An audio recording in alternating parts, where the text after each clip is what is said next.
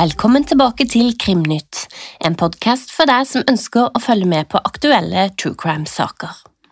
Først i dag så skal vi til Minnesota i USA. Den nå 77 år gamle Lauren V. Scully ble i 1979 dømt for å ha forgrepet seg på en seks år gammel jente. Lawrence var da 33 år gammel. Han hadde den gang sagt seg skyldig og fått en dom på null til fem år. To år senere så var han en fri mann. Da mente retten at han ikke lenger var en fare for samfunnet.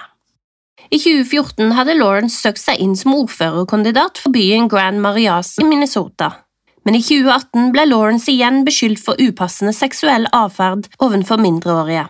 Lawrence hadde lenge hatt en konflikt med den unge faren, 27 år gammel Levi Axtell.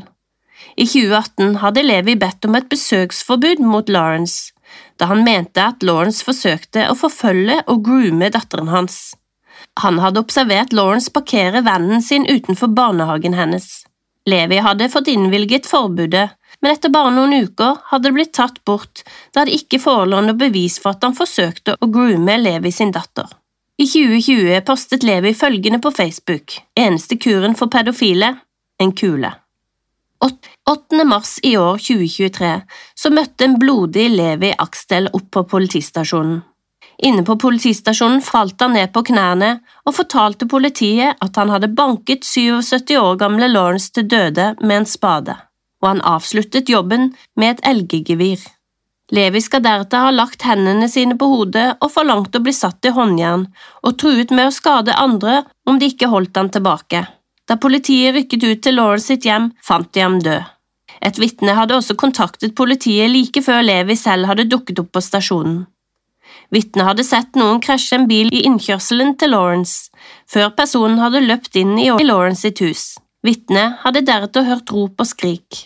Lawrence hadde ifølge rettsdokumentene blitt innlagt til psykisk helsevern i 2020, men hadde blitt sluppet ut igjen etter noen uker med antipsykotisk medisin. Levi skal ha slått Lawrence 15–20 ganger med en spade han fant på terrassen. Obdusenten hadde notert at Lawrence hadde sår på armene etter forsøk på å beskytte seg mot slagene. Levi skal ha fortalt politiet at han hadde kjent til Lawrence lenge, og var sikker på at han hadde forgrepet seg på flere barn. Han skal ha observert Lawrence over tid da han parkerte bilen sin i nærheten av der barn oppholdt seg, og Levi var overbevist om at Lawrence kom til å forgripe seg igjen. Fredag 10. mars ble Levi Axtel sikta for drap og ble holdt med kausjon på 1 million dollar. Søndag 12. april gikk det som skal ha vært Levi sin søster, Katrina Akstel, ut på Facebook og sa at hun hadde mottatt masse støtte fra det lokale samfunnet, og at familien planla å sette opp en pengeinnsamling for å hjelpe Levi. Jeg er overveldet av all støtten jeg ser online akkurat nå, i lys av onsdagens tragedie. Når et medlem av samfunnet er i en dyp krise, kan det for noen være vanskelig å vite hvordan de skal støtte når ord virker å ikke være nok. Jeg ønsker dere alle velkomne til å dele deres støttende ord til Levi og familien vår. Vi har også en online innsamling som vi snart vil publisere. Mitt håp er at begge familiene involvert i denne tragedien og samfunnet og byen vår kan komme sammen og støtte hverandre, lytte til hverandre og leges sammen. Katrina Axtell Rettssaken til Levi Axtell starter nå 10. april. Så skal vi til en tragisk sak i Las Vegas, USA. I februar 2022 så ble 36 år gamle Brandon Trosland arrestert, etter hans kjærestes syv år gamle datter hadde levert en lapp til læreren som moren hadde plassert i skoen hennes. På lappen sto det at de ble holdt fanget mot deres vilje. Brandon ble først sikta og arrestert for to tilfeller av kidnapping, og ikke lenge etter ble han også sikta for drap, da hans kjærestes fire år gamle sønn Mason ble funnet i en søppelpose i en fryser i Brandons garasje og 10. april ble han sikta for ti forskjellige tilfeller av drap, barnemishandling, kidnapping og vold i hjemmet. Den fire år gamle gutten Mason skal ha dødd av innvendige skader etter slag mot magen. I tillegg hadde gutten et kutt over øyet, et bitemerke på den ene armen og blodutredelser over hele hodet, i tillegg til blåmerker på overkroppen og magen. I tiltalen mener de at Brandon enten har slått og sparka gutten, eller forårsaka at gutten har truffet en ukjent gjenstand, eller for å ha ristet og klemt han hardt. Brandon var også tiltalt for å ha kvalt Mason sin syv år gamle søster med armen, men hun overlevde, og ved et annet tilfelle skal han ha kvalt henne med ledningen på støvsugeren. Begge hendelsene skjedde før han drepte broren hennes. Brandon skal ha blitt arrestert i forbindelse med en politikontroll. I bilen fant betjentene håndjern, og det viste seg senere at disse var brukt til å binde Brandon sin kjæreste fast i bilen. Brandon ble også tatt med kjærestens mobil på seg. Til politiet forteller moren at Brandon over tid hadde blitt voldelig, og at han til slutt hadde holdt henne mot sin vilje i flere uker. Hun fortalte også at hun ikke hadde sett sin fire år gamle sønn i den perioden, og at Brandon ikke hadde tillatt henne å forlate huset alene eller gå inn i visse rom i huset, og da spesielt i garasjen.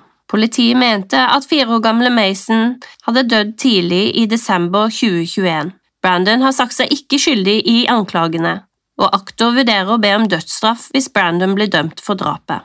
I februar i år var det høring i forkant av rettssaken hvor Brandon havnet i et munnhuggeri med dommeren. Rettssaken for drapet han er sikta på, er dermed utsatt til 16. oktober i år. Det er en jury som skal avgjøre skyldspørsmålet om Brandon er skyldig for drap, barnemishandling og vold mot hans tidligere kjæreste og hennes datter. Og siste sak i dag, da skal vi holde oss i Norge. For 1. mars i 2022 så rykker politiet ut etter en voldshendelse i en adresse i Grue Innlandet. Der ble den 40 år gamle Lisa Irene Karlsen funnet drept. Hun ble funnet med 17 knivstikk og hadde mottatt slag og spark. Et tydelig overkill eller crime of passion. Hennes 29 år gamle kjæreste fortalte moren at han hadde drept kjæresten, og etter at moren ringte politiet, så fant de Lisa Irene avkledd og blodig, ifølge VG. Kjæresten hadde tidligere vært dømt for voldshendelser og var kjent for politiet. Nå foregår rettssaken mot mannen, som skal ha vært tilregnelig og kan bli idømt både straff og forvaring. Han vitner selv i retten og fortalte ifølge VG at han ble kjent med Lisa Irén ett år før drapet, sommeren 2021. Han ble invitert med på bading og ble sittende og snakke med Lisa Irén. Det virket som hun hadde hørt noen rykter om tiltalte, men ifølge han så ga hun han en sjanse. VG som følger saken, rapporterte også at tiltalte har erkjent straffskyld, og at han i retten forteller om drapet. Han skal ha hatt flere voldshendelser og konflikter med Lisa Irén. På drapstidspunktet skal han ha sagt Se hva du fikk meg til å gjøre. Nå blir jeg gæren. Nå klikker det. Mannen skal ha brukt minst to kniver og også tatt kveletak på Lisa Irén. Han skal senere ha prøvd å stoppe blødningen med en gardin, for å så skjønne at det var for sent. Etter Lisa Irén var død, tok han bilder av henne med sin egen mobiltelefon, og disse ble vist i retten. Moren til Lisa Irén, Kristin, forteller VG at hun har planer om å være til stede under hele rettssaken. Savnet etter Lisa Irén er stort. Hun minner henne som en livsnyter og et friluftsmenneske. Hun var en god mor for sine tre barn, og hun var også veldig opptatt av sine to yngre søsken. Jeg har mistet min absolutt beste turkamerat. Min støtte og hjelper på alle mulige måter, sier Kristin til VG. Til slutt i dag skal vi ha en oppdatering på Tove-saken fra episode 1 i Krimnytt. Svenske Tove, 21, ble funnet drept i et skogholt, og to av hennes venninner ble arrestert. Overvåkningsbilder gir politiet et godt bilde av tidslinja og hva som kan ha skjedd. Den ene av venninnene forteller at de hadde en konflikt med Tove på et utested, og at de likevel tok følge med henne hjem. De hadde planer om å slå henne på veien, men endte likevel opp på nachspiel hos siktede. Der påstår hun at Tove angrep henne, og at hun endte med å ta kvelertak på henne, for så å kvele henne til døde. Den andre venninnen på 18 år skal ha holdt Tove fast. Aftonbladet melder også at advokaten til den 18-årige venninnen påstår at 18-åringen ikke var til stede under drapet. Etter Toves død bar begge jentene Toves kropp til et skogholt. Begge jentene har blitt sikta for drapet.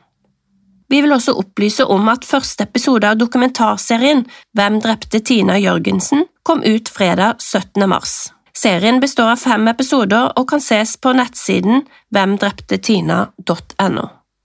Det var alt vi hadde i Krimnytt for denne gang.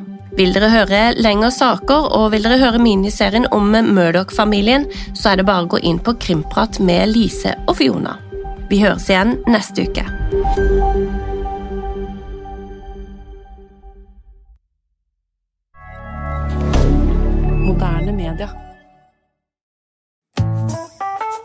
Har du et enkeltpersonforetak eller en liten bedrift? Da er du sikkert lei av å høre meg snakke om hvor enkelt det er å sende faktura med fiken. Så vi gir oss her, fordi vi liker enkelt. Fiken superenkelt regnskap. Prøv gratis på fiken.no.